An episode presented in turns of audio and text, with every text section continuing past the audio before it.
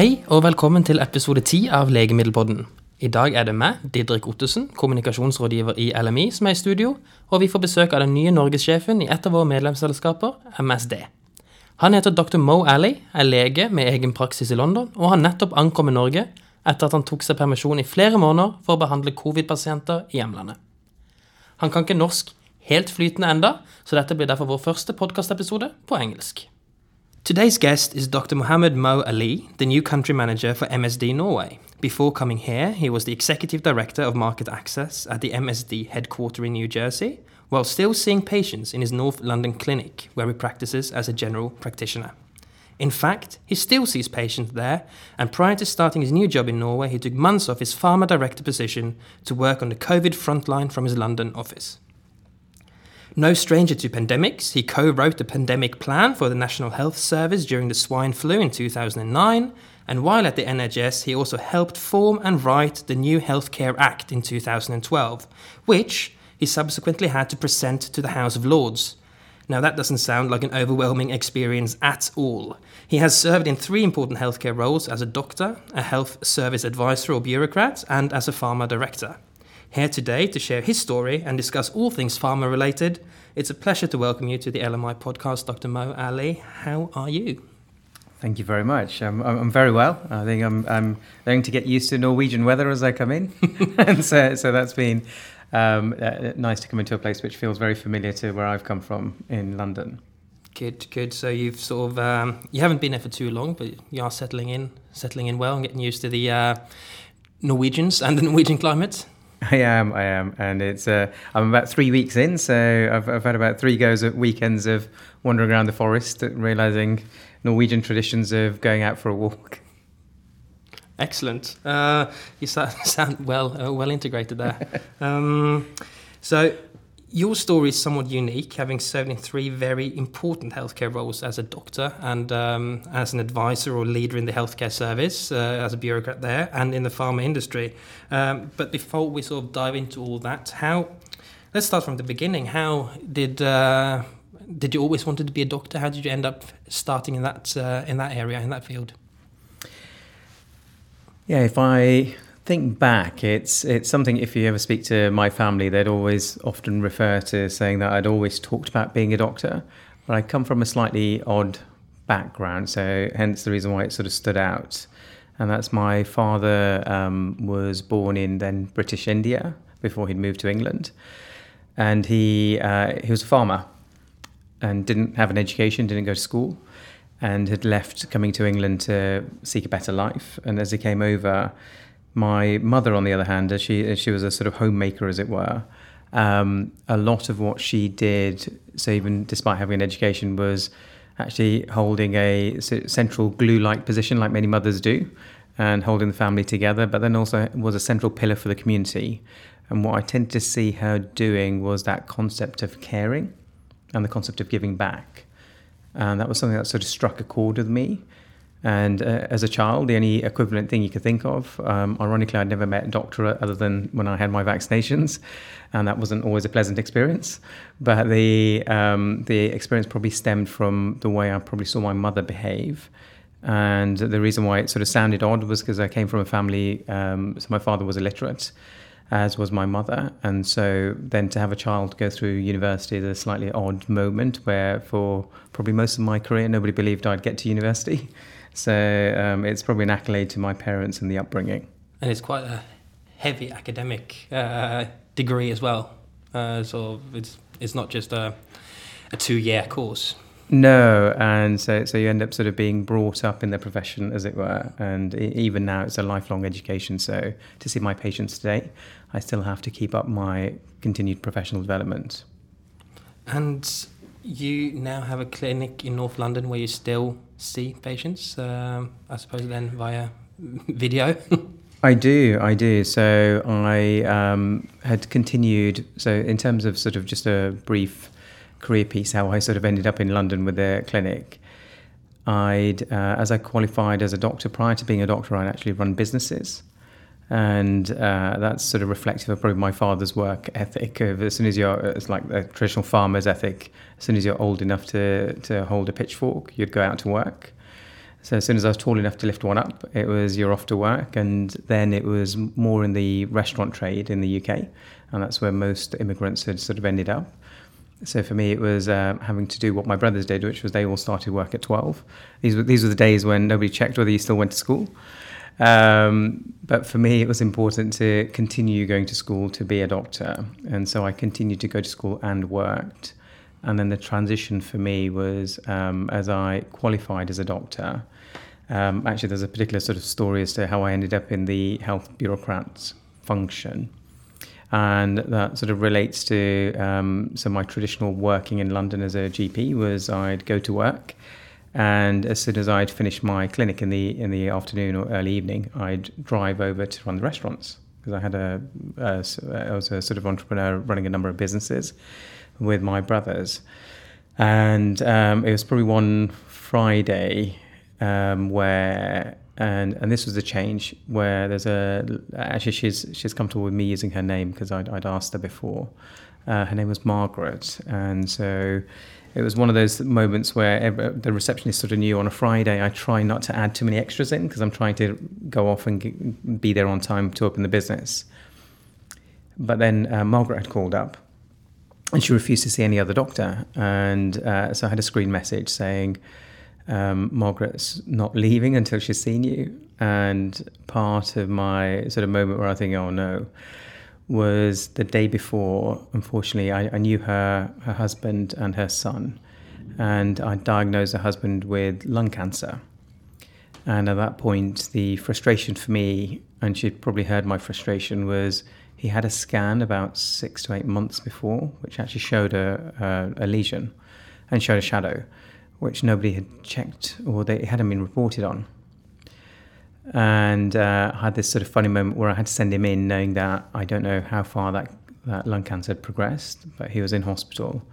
And so I thought, well, actually, Margaret's come to either tell me she wants to complain about the hospital, or even more tragically, that he's died or something else has happened, um, which wasn't really the best thing you want before you go to work.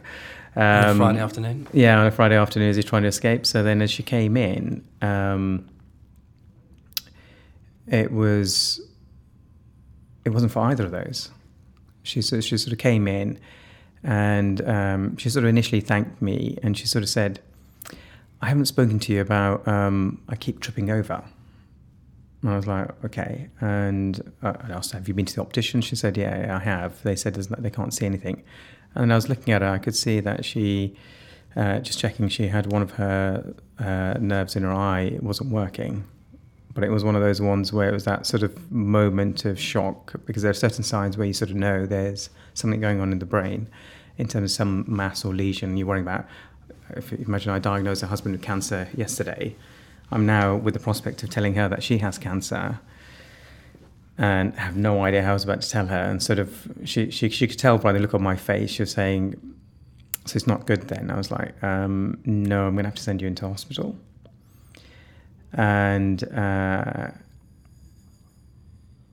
and then it was sort of one of those shock moments where I'm sat there thinking, well, what do I do? And um, so I remember that, that, that, so I did send her into hospital.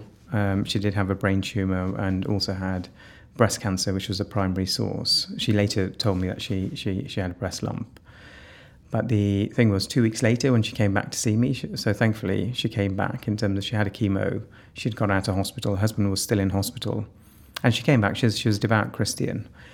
And uh, she came she came back, and it was one of those moments where I broke all doctor patient sort of uh, barriers that we normally have. So as soon as she walked in, I gave her a big hug. Uh, just delighted to see her. And at this point, she um, still had a scar on her head from where they did the biopsy. But the um, she, she, came to thank me, and she brought a, a, book of prayers, and she sort of said, "Oh, you know, thank you." Um, and she sort of said, you, "You you have a gift in terms of you should be helping more people." And I didn't know what to say. It was one of those funny moments where you you, you say the most stupid thing when you look back on it, and and I sort of said, "Well, well." all that came into my head was how many patients I have on a clinic on a day. So I said, well, I can only see about 40 or 50 a day. That's as much as I can see. And uh, she actually said, I don't believe you. And I was there shocked in my head. I was shocked thinking, I have no idea what she's talking about now. and um, she put her hand on my head, and it was one of those moments where she, she was not. Uh, for those of you who haven't seen me, I'm not that tall. so, um, so she, so I was sat down. She stood up. She put her hand on, on my head and sort of said, um, "Look, you have a gift. I know you go off and you, you know, I know you go off and you run the businesses, but why can't you run the business for healthcare and help more people?" And it was one of those first moments where you think, okay, I hadn't thought about it that way. And in the UK at that stage, doctors running the healthcare side wasn't a traditional thing to do. Um, and this was back in the early 2000s. So I'd thought about it. And then um, actually, about two weeks later, I handed over the keys to the business, did everything else, and then um, did the slightly odd move of wanting to learn about the business of healthcare. How do you go about doing that?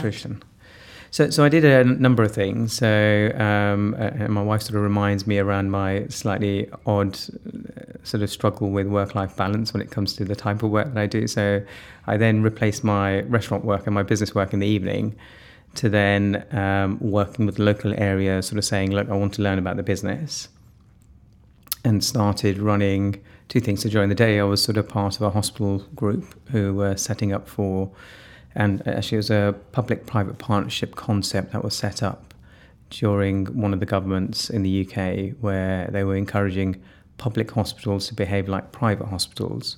So, what they were allowing them to do was um, to retain their profits. And so, it's a new venture, and it's called Foundation Trust Status, where there was one of the hospitals locally to me, and it was a mental health hospital, um, was applying for it. So, I knew the medical director because um, uh, he, he, was someone who I used to work with him as a psychiatrist. And uh, I sort of said to him, Oh, um, I want to learn how you guys apply for foundation trust status. And he sort of looked at me and laughed. He goes, Okay, I've never had a doctor ask me around how what our application process is. And uh, that's what started. And he said, Okay, well, I'll do a deal. Come in. Can you look off? Because at the moment, I have lots of psychiatrists who know no medicine. You're a GP as well, and you've got the psychiatry background if you look after my patients during the day on the ward, I'll let you come along on our foundation process application. And I was like, deal. Um, so I went, looked after his patients during the day, looked after some of my patients in the late afternoon in the GP practice. And then that was one side of it. The other side was I was also interested in how the money flowed. So then learning around. Uh, so in the local A&E department, the local area was trying to set up what they called um, accelerated access schemes. So this was around how do we see patients faster. So then in the evening, I then set up a new unit to show how GPs or primary care, because a lot of the challenges of people turning up to A&E were primary care challenges.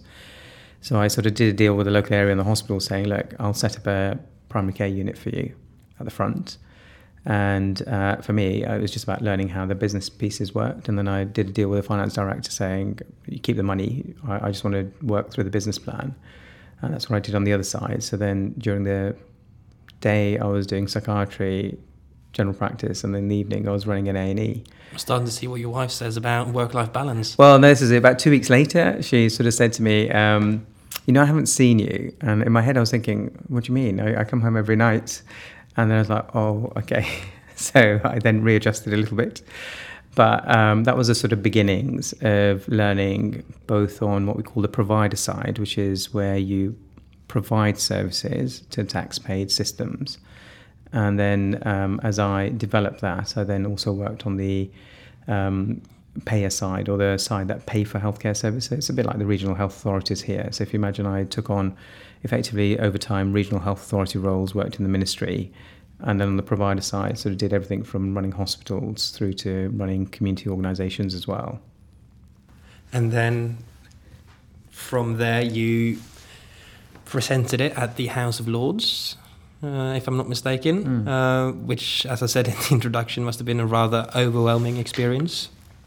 it, it is, and uh, I'd, I'd, sort of uh, so I'm referencing my wife now when I talk about the comedy moments of my marriage. So um, the the issue that I'd faced was at that point it was a sort of six month period outside of the NHS where I went off to work on on this on this on this piece, and uh, six months turned into two years. and we had a number of challenges around engagement, um, just because it's quite a radical proposal. On, on the, the principles of what we're trying to do, which was to sort of de-link the politics from healthcare, was the ambition. Uh, and that was the ambition. Uh, I supported the concept because it sort of depoliticized healthcare and would allow healthcare to operate independently. That was the that was the aspiration. And I remember this was a huge thing in 2012. It was or prior to 2012, there was a lot of uh, media coverage on this. There was, there was. Um, just because there was a, there was a real backlash, and I think my learning um, from that period is this is where, uh, even though I'd sort of played in the medical political arena, this is politics with a big P. And the challenge that I faced going into the House of Lords was um, so, so I have to say, civil servants are wonderful people in terms of they're very bright and they gave me a wonderful briefing. But if you can imagine sort of sitting, being grilled for sort of three hours um, with people who had specific interests was always challenging to try and make sure that you were answering their question. Um, and I think I think those were that was a um, intense learning process. Steep learning curve. It, it, it, was, it was, and, and I think the the bit I, I, would say is I come away having even more profound respect for actually how hard it is for, and I was aware I was close enough to politicians to sort of understand that. Uh, from a distance, you always hear the sort of sound bites, and we have our views of politicians. But um, I think for them, it's a tough job when you have electorates, uh, an electorate and the group you're representing who are very diverse in their views and interests. And for them to sort of come up with a single message, I think I'd, I'd, I'd learned a degree of respect for how much of it is an art as much of it is a science. And then from there, you ended up in the pharmaceutical industry mm. uh, hmm. as a director's position at the MSD's headquarters in New Jersey. I, I did. That's, yeah, that's, that's, that's, quite far. that's quite a jump. Yeah, from the House of Lords to to New Jersey. Um, so the uh, so so there's that. Here you go. I'm going to come back to a story about my mother now. So the um, uh, I think the change for me was um, so if you imagine uh, when it when you have a uh, degree of establishment in the system, you you have enough of uh, support from anywhere where from a healthcare perspective whether it's for my patients or anybody else i literally could pick up the phone to anybody and uh, ensure that i had I, I, sort of knew that doctors who could help for anything or the minister or anyone else and i had this sort of funny moment in 2016 where um, my mother ended up with a diagnosis of dementia and uh, for my siblings, it was, um, and for, for me, it was a, obviously a personally tragic moment where you sort of sit back and you sort of know as a doctor the awfulness of what you're about to face because I've had to do this for many of my own patients and for their relatives. And the uh, and it's like here you go my, my classic mother's lesson to me around um, uh, around not, not getting too um, convinced that you actually know what you're doing which is a sudden moment of realizing that actually there is nothing we can do. And the hard bit of trying to explain that to my siblings and the reaction I got, and this is my is a quote from my brother, who was saying, So okay, so hold on a sec, so let me get this straight. So you've spent 20 years of your life in education, you know the health minister, you can pick up the phone to any doctor and you can't help mum. And that was hard. So, um, and it was true. That was the worst part. So, so, so I, I sat there really thinking hard actually and it was you know one of those moments in life where you sort of sit there thinking well what have i been doing and um, throughout my career i've had a I, i've had a sort of very com- i'd say comfortable relationship with industry as an example. Uh, but i don't think i understood the concept of innovation until you because as a doctor I, I, spent most of my time convincing myself I was doing amazing work because of all these people who came in and I could prescribe something or do something. And that I was too. helping. And um, what you don't realize is all the people who you don't see that you don't help and uh, I mean I later found this out if I give you an example um, and this is from the Milken Institute. There, there's, uh, on, if you look at our classification of diseases, we've got something like about 10,000 diseases that we've spent our time describing um, and classifying. Of those, in 2020, we only have cures for about 500 of 10,000 diseases. The rest of it we're tinkering with, we try and play with to try and slow down disease, but we don't stop it or reverse it. And this is one of those moments where it made me question sort of what have I been doing. And it was sort of at that moment, I think I'd been approached by different companies over years where um, MSD had approached me at that stage. And I did a lot of international health work as well. So part of it was my strategy work, and they'd sort of seen me do different things. And uh, they sort of talked about a role, and I was sort of half listening because my head wasn't there at all. But suddenly at that point, um, they said, actually, what I want you to do is the reason why I've approached you is I need your healthcare strategy background because we're developing an Alzheimer's drug. And I'd want you to come and think around how we get it across the world. And so, as I sort of gone from wanting to help patients from the 40 to 65 million, this was that one of those moments I couldn't walk away from. I mean, um, my mother was ill. I couldn't do anything for her. She wouldn't fit any of the trial spaces.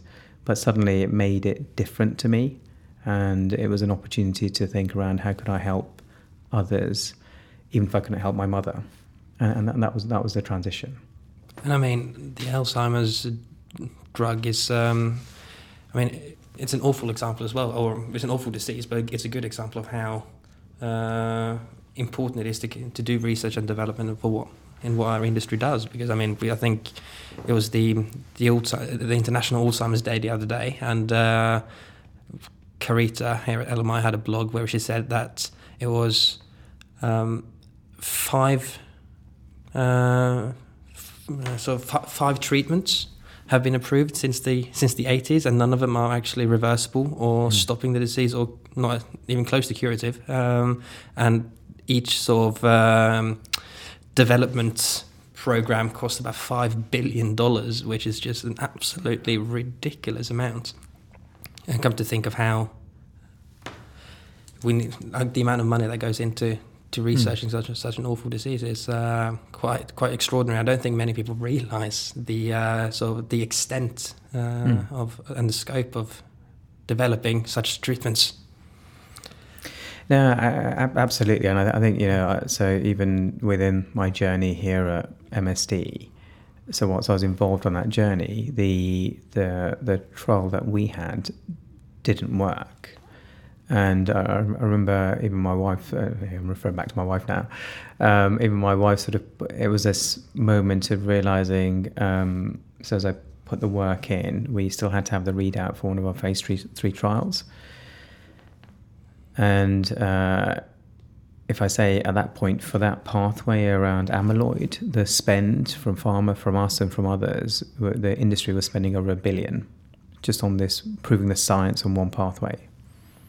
And uh, even though the drug had failed, what we'd done was we'd advanced the science to the next platform.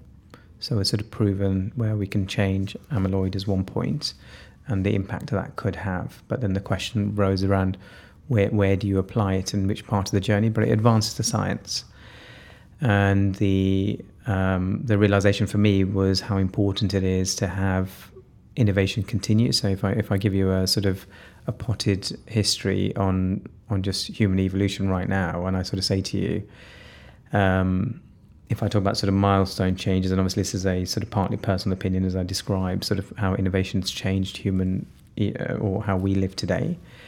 Um, you look just back over hundred years ago, you know, we and I'll, and apologies, I'll use a UK example. Um, the majority of people, the average age span in the 1800s with workhouses, everything else was 40. If you lived to 40, you were in old age. And you know, you had to be wealthy enough to live beyond that. And part of the thing that was killing people were infectious diseases. And so it was the advent of antibiotics, the advent of vaccines that allowed people to live long enough to be grandparents, to live to an older age. And then if I go through a next tier, the next tier was around cardiovascular disease. You know, you live long enough to worry about cardiovascular disease being the killer. Luxury Uh, problem. Well, this is it, and, and it's a first world problem in many senses because people in the developing world, even today, still die of infectious diseases. So if you look at the world today, and even where we are in Norway, I say you, you, you go through these phases where it was infectious diseases, then it was cardiovascular disease, then we talked about cancer. And if I say the advances we've had with cancer now, I I mean, just looking at the UK data, um, it's about four, three or four years ago. The leading cause of death now wasn't cancer; it was effectively brain disease. So this is Alzheimer's. So when we talk about the next frontier of where medicine needs to get to, if we want to continue our journey of being able to keep people well for as long as they they can, then that's the next sort of frontier. But you can see in each of these, it's required people are going to innovate for us to be able to benefit from what we have today. And and the and, and, and these are almost the journeys that we go on. I suppose it's not natural for any of us to think, well, have we got to that industrialized fashion of improving healthcare? And it's multiple things. It's not just industry. I'd probably say it's a multitude and a plethora of medical technologies, uh, devices, and diagnostics. And if you look at the wave of what we see today, there's lot, there's many more things that you can see which will push us along. Certainly. Um, and um, exactly what did uh, your role entail when you were a market access director at MSD at the headquarters there? Yeah. So um, the Or Merck, as they say in the States. Yeah, yeah. So, so yeah, for those of you who sort of know the company, you'll know um, in the US and Canada we're known as Merck and Company. And um, I had the opportunity, and, and this is, uh, I mean, I'll tell you this, uh, it's my life of serendipity now. Um, it was a sort of chance meeting with our sort of head of market access. And uh, she'd asked me why, and I'll share this because I think it's, it's relevant to industry colleagues here um, I, I was fairly green, so I didn't really understand her seniority in the company and the fact that she headed it up for the company. And uh, she'd heard I used to run hospitals, and I, and I, I was I'd been a customer of MSD's for well over a decade. And uh, as I came over to the US, just because I was going to the headquarters just to have a look, um, she made a point of saying, "Oh, look, can Mo come and talk to me?" And, and I was like, I had no idea who she was. And so Sometimes had- ignorance is bliss. That's yeah, no, it is. It is. I'd happily talk to anybody who would, would be willing to listen to me. And so she just, she just asked me, you know, what do you think about what we do and what have you seen so far? And I sort of said, well, yeah, no, it's interesting. I think it's a little bit. Um, I've seen it from the other side, and I think the challenges that we have here is, I'm not sure where um, we tend to narrow down on the wrong point, and there's there's a larger partnership opportunity that we have when it comes to particularly affordability. So you know, I, I hear the criticism on the industry side around it's all about price, and on the other side, I think it, it ends up being about price, but it's not what people usually intend. So for most of my time in the NHS, it's it's, it's interesting because it's almost like we all have perspectives of each other. And I think the perspective I had of industry was it was um, it, there was a trust element, so it was always difficult, and, and that was sort of perpetual. And part of it was my medical training as well, which um, taints you with a particular view. And then the other element was um, most of it boiled down to these contractual discussions. But by the time we had the contractual discussions, the debate was lost. So almost the conversation she asked me was, "Well, I, I'd heard that you were one of our toughest guys to work with," and I was saying, "No, no, no. It, all it was was if it got to the point where you're talking to my procurement manager, or you're in a tender, don't waste my time. As in, I'm not. I, you know, I have people who manage that. If you want to talk about strategically what it does for the population and what we're looking at, then yeah, then it's a conversation with me." Uh, but at the point where you've boiled it down to price, then actually that conversation's gone. And then we sort of got into a conversation around, well, okay, if we're saying affordability is a challenge, how do we how do we address it? And I was saying, look, there are multiple things. I think there's not enough that we do on what are the what I what I would sort of describe as what makes something you know. So firstly, if I look at something, it was a case of and uh, what I described to was there are usually two decision points for me. One was uh, as a as a sort of health bureaucrat. One was is it relevant to my population? And I'll come back to that because I think there's a there's a real challenge going forward around this. Because unless it was relevant to my population, firstly I wouldn't be interested. And so, therefore, there has to be some willingness to consider it. And then the other thing that um, was going on was around ability to pay.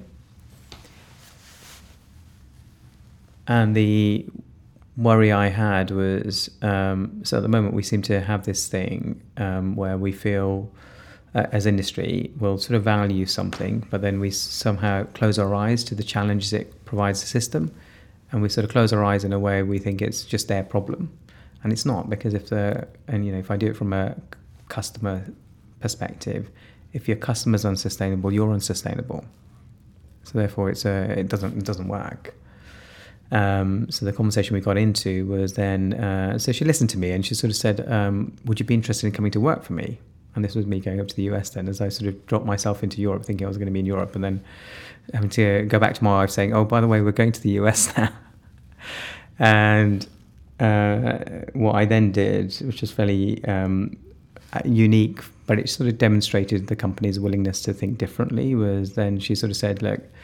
Um, if you if you come over and work for me, I'd want you to set up a global unit to help us change as a company, and for us to look at affordability. You know, you talked about it, and you talked about it quite passionately around we have a role as industry to walk across the aisle and and to sit sit with someone. And I hear what you're saying. I just don't know how to do it.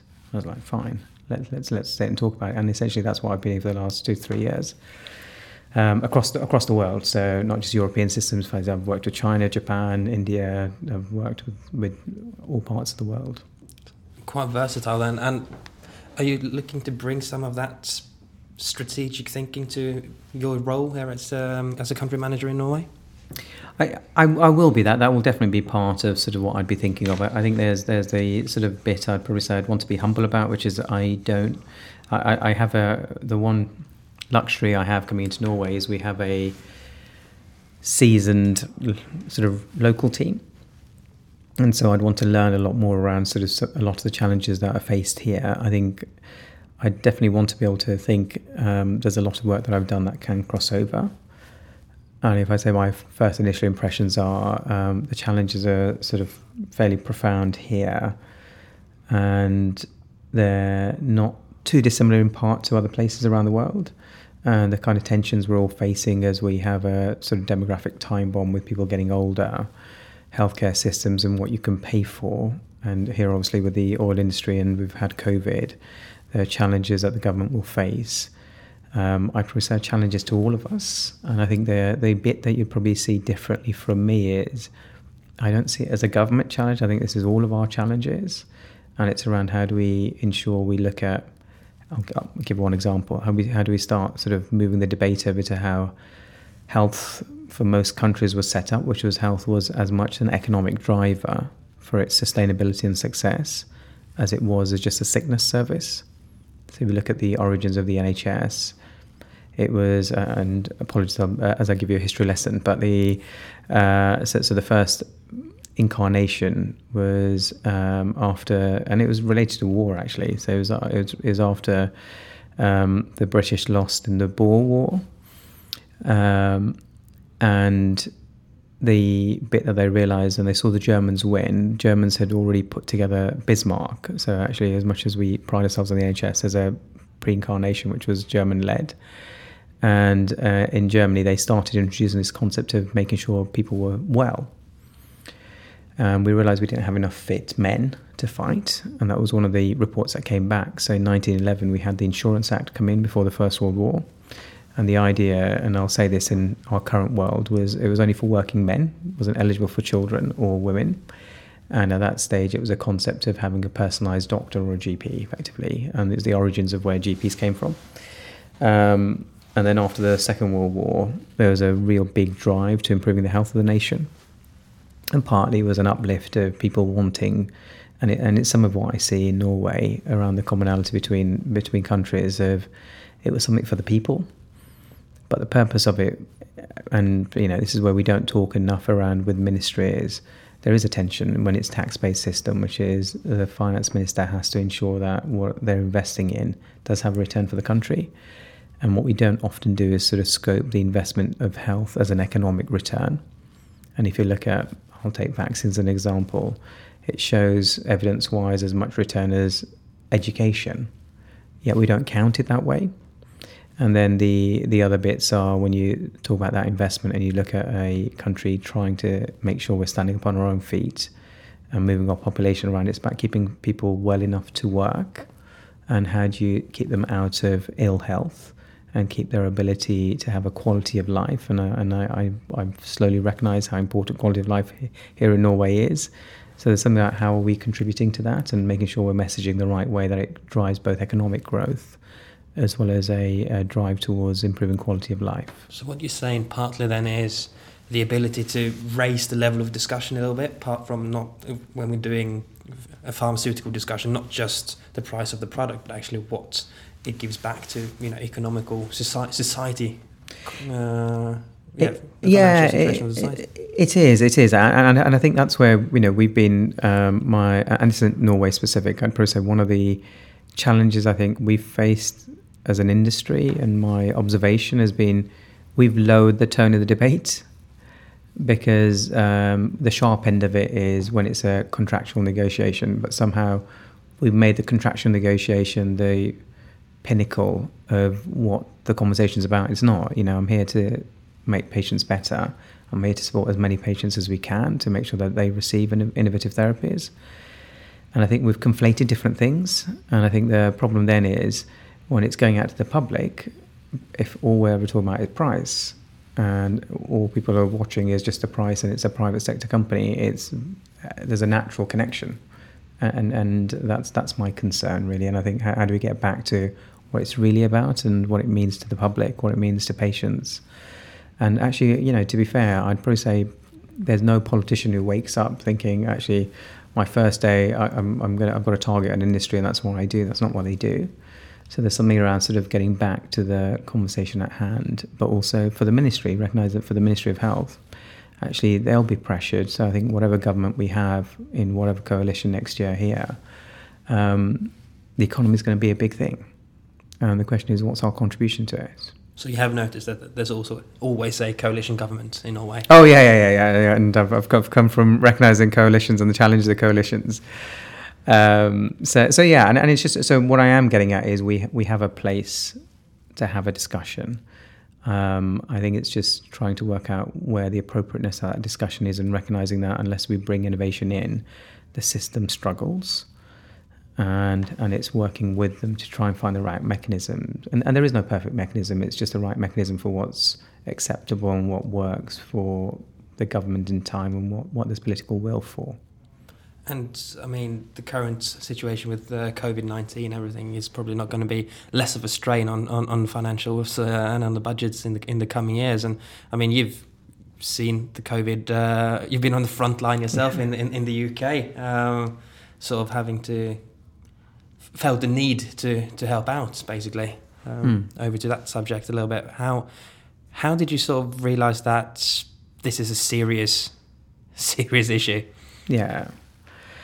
Um, this was one of my. I was on a trip over, and actually, if, if I step back a bit, I sort of describe what what happened with COVID with all of us, and I'm, I'm going to say I was as guilty as everybody else here, which is I think early on we all convinced ourselves that it wasn't as big a threat as we thought it could be. it's a be. Flu. Yeah, it's a flu, and also you know there's a and you know I'll I'll describe my prejudices here as well, uh, being a Westerner uh, and you know this is me having spent time in China as well. Everyone sort of questioned the Chinese data. Was it really as many people? It may have been a little bit more, but their systems are different to ours in Europe, where we've got better structures and infrastructure on healthcare. If it ever came here, we'd, we'd, we'd manage it. And that's what we convinced ourselves with for a while until it got over to Europe. And um, I remember the time actually I was in I was in Zurich in a meeting, uh, I was going to fly through London as I would go back to the US. Uh, my boss was with me at the time. Um, and I had a phone call while I was in Zurich from an old friend going, Mo, I've opened up the document, I've got your name on it. And um, I don't know what you meant by the playing fields.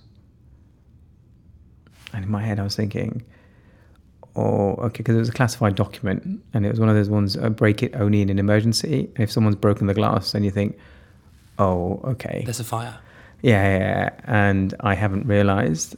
And suddenly, all the reports we're hearing from Italy struck a chord, which is then uh, the Italian system is a European system. They have the same setups that the rest of us do, and they'd fallen over. And suddenly, there's a there's a panic, and you know we, we sort of had that moment of realization of actually this is bigger than we actually imagined, and we don't know what to do in terms of it was being formulated. They had enough experts. There's no shortage of experts. It was just more in terms of um, yeah, the glass was broken, and uh, and then it was me sort of calling calling up saying. Uh, checking in on my practice as well, and we are just having we were in the middle of the outbreak before it became public, as it were. So I was in I was in a very precarious position where, as I was realizing what was happening with the numbers, for reasons unknown to me, we ended up with, even now, uh, my practice in the area we were in northwest London. Um, and this is public knowledge. So, if I so, so say uh, in Harrow and Brent, we ended up as being the epicenter in northwest London, which became the epicenter for the UK, and was the lead indicator that they were using. Um, but then when you're in the middle of it, it's suddenly different because then it's a case of I, you know, morally and ethically, there's I had no choice in terms of I couldn't leave my patients or my colleagues there, knowing that I had a skill that I had to apply. It didn't matter whether I was in pharma or not. It was then me sort of saying to my boss, "Look, I'm going back to London," and it wasn't. There was no negotiation. I was saying, "I'm going back." You know, um, effectively, you can sack me. It doesn't matter. I'm going back um, but I can't walk away because uh, these are my patients, and I, I, wouldn't forgive myself sort of afterwards. Um, so there's a lot of us who had to take a stand as to you know it's the one time, and I'm sure it probably feels the same for many of the doctors here, where um, you're sort of brought up with the ethos of you're here to help and the difficult moment here was, you know, in all of our training with first aid training, everything else, the first thing you're taught, and you'll see this if you ever fly or go anywhere, you know, if you see the air mask comes, if you see the mask come down for oxygen, first thing they tell you to do is put your own mask on first before you help everybody else. And doctors have been trained, and all healthcare professionals have been trained in the same way, which is normally you protect yourself um, in order to help others and we're in this sort of such a weird position of suddenly stepping in, knowing that, hold on a sec, we don't know enough about this disease. But if we don't go and help, there's nobody there to help. And what do you do? And it was, and, and actually, I'll, I'll, share some personal things here, and I'll, I'm going to come back to my wife now. So we had this sort of, my, my wife's a GP as well. And so as I came back, she was sort of shocked around the realization of, oh, okay, we talked about this during swine flu, which is the catastrophic moments of what happens if this whole society breaks down and you have too many deaths, what your role is. And your role there is to protect what's left of society. So um, it was the first time we ever did this. So we sort of agreed we'd go back, where both of us would go straight back to clinical work. Uh, she was already doing clinical work, but to go back doing longer clinical work and for the first time ever, both of us, we had to start thinking about things hopefully nobody ever has to think about. Of um, We wrote our wills. Um, we hadn't written our wills at that point. Had to decide if both of us died, who'd look after the kids. And things I hope no, nobody ever has to think about. And then we then did the odd thing, which is my in-laws lived in North London, which is the reason why we're there. So they'd be the only people who could look after the kids, and they were older. So we sort of shielded them. This was before the government guidelines because we knew the pathogenesis of the disease. They couldn't understand why we were asking them not to leave the house. We sort of effectively locked them in their own house as such, and we went off to work. And then we had one, and there were some odd things that happened because in order to get childcare, we ended up with only one childcare worker who was willing to look after our kids because the other bit, and I, feel a little bit, bit of that here still at this stage, which is stigma attached to COVID, which is what we felt at the beginning. And um, as a doctor working with COVID patients, nobody wanted to see me and nobody wanted to see my children.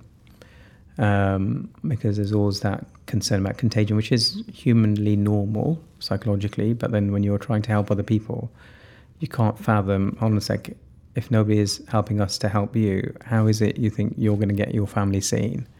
If, The system falls down. If, yeah, if, if you're saying that none of the doctors can go into work or you're not going to help Um, so, so we managed to find our path through it. But essentially, it was that sort of scary moment of actually, we don't know the outcome. So, coming back to the company, um, and I think this is one of the reasons why I'm sort of proud to work at MSD. Um, they had a sort of volunteer piece, which you're allowed to do. You're allowed to volunteer a week of your year to whatever cause you want. So they sort of knew I, I do charity work medically as well. Um, and this was the moment where I sort of said to uh, my boss at that point, said, "Oh yeah, yeah, we've got the volunteer thing." And I was like, "You know, I'm not coming back in a week." And then she saw the outbreak. She was like, "Oh, okay, I see what you mean, but no, carry on." And then the company let me go, and then they they let me volunteer. Um, they didn't stop my wages. They didn't do anything. So, and uh, um, uh, for the company, it's a senior position because I was an associate vice president. So having an AVP go off was it's not cheap for them. It's not it's not a small role, but it's testament to where the ethical stand is for the company. And I think that's one of the reasons why I'm sort of proud to work in the industry where if I say when the chips are down, actually uh, ch- choice points. And it's interesting because we often think about pharma as just very money driven. Um, there's no hesitation on the company's side about letting me go. And they had no idea whether I'd even return. Um, and it was a case of until it died down, there was no pressure on me to come back. So they didn't sack you, but they did send you to Norway. Uh, yeah. And uh, we are very grateful for that. And uh, we look forward to, to working with you um, here from your, your role at MSD in Norway. And uh, thank you very much for taking the time to come in and see us uh, and record this podcast with us today, Mike. No, you're very welcome. And thank you for your time.